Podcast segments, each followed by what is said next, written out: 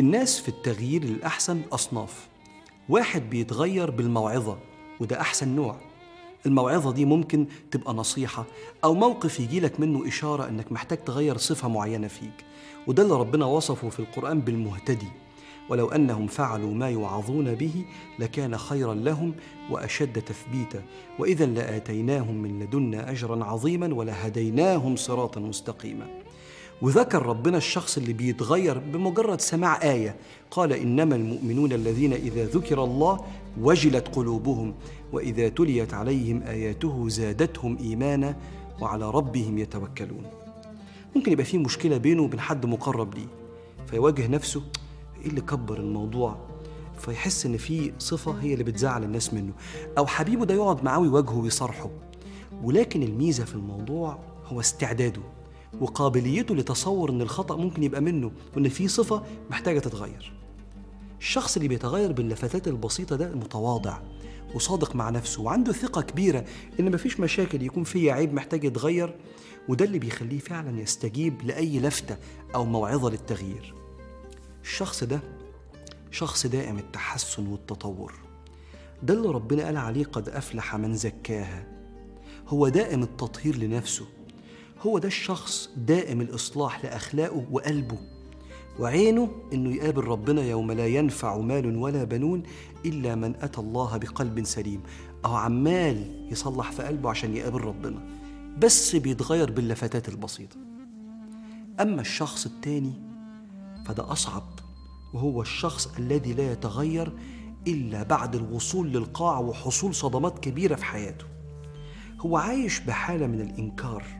ورفض الاستماع للنصيحة وبيغلق القلب عن الاعتبار والاتعاظ من تجارب الحياة. مشكلة ورا مشكلة موقف مزعج تلو الآخر نصيحة ورا نصيحة ورد فعله ثابت. أي مشكلة أنا فيها بسبب ظروف خارجية. أما أنا مش محتاج أتغير. الناس هي أخلاقها اللي وحشه وبيحطوني في مواقف يطلعوا أسوأ ما فيا دايما. أما أنا فأنا تمام. الصفه دي على فكرة ذكرت في المشركين على مستوى العقيدة. إن هم دايما كانوا رافضين لفكرة البعث ليقينهم بإيه؟ إن هم يخسروا. فقال لك لا ما فيش بعث مش عايزين يتغيروا في دي. اذا كنا عظاما نخرة قالوا تلك اذا كرة خاسرة. ولا يتغير هذا الإنسان الرافض المنكر إنه محتاج تغيير إلا بعد الوصول للقاع بعد صدمة عنيفة. ذكرها ربنا في القرآن على فرعون. حتى إذا أدركه الغرق قال آمنت. أنه لا إله إلا الذي آمنت به بنو إسرائيل وأنا من المسلمين. فربنا قال له آه الآن وقد عصيت قبل. بتتغير دلوقتي وأنت في لحظات ترك روحك لجسدك. حتى على المستوى الاجتماعي ساعات ناس كتير مننا مش بيغير عصبيته أو بخله في إنفاقه إلا بعد الانفصال عن أكتر واحدة حبت حبها وحبته. وهي مش بتبدأ في الانضباط وتحمل المسؤولية في الشغل إلا بعد ما يرفدوها عشان هي مش مركزة في شغلها. طب ليه نوصل لصدمات عشان نتغير؟ ورب العالمين يدي هذه النوعية من النفسية الرافضة للتغيير الأمل. قال تعالى اعلموا أن الله يحيي الأرض بعد موتها. حتى الإنسان لو نفسه كانت جامدة جدا عن التغيير ربنا قادر على تغيير هذه النفس. أقول لك تتغير إزاي؟ اولا اسمع جيدا لكل ناصح لكل ناصح أمين وراجع نفسك بصدق وشجاعة. يكونش ربنا باعت لي رسالة في كلامه فإن ألسنة الخلق أقلام الحق فاستمع وما ترفضش سماع النصيحة.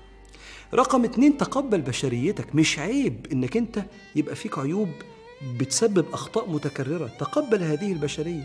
مش أي مشاكل خالص إن الواحد يدرك وهو كبير إن عنده مشكلة محتاجة تتغير. واحمد ربنا سبحانه وتعالى أن ربنا وصل لك اللي يلفت نظرك عشان تزكي هذه النفس. تالت حاجة مهمة جدا أكثر من الدعاء بصلاح الحال. ده كان أكتر دعوة لسيدنا رسول الله يا مقلب القلوب ثبت قلبي على دينك. وأنت عارف ثبت قلبي على دينك في حقنا إحنا؟ ثبت قلبي على كل صفة أنت بتحبها يا رب. لأن القلوب تتقلب وصفات الإنسان بتتغير. فثبتني يا رب على لما تشوفني عليه تبقى راضي عني.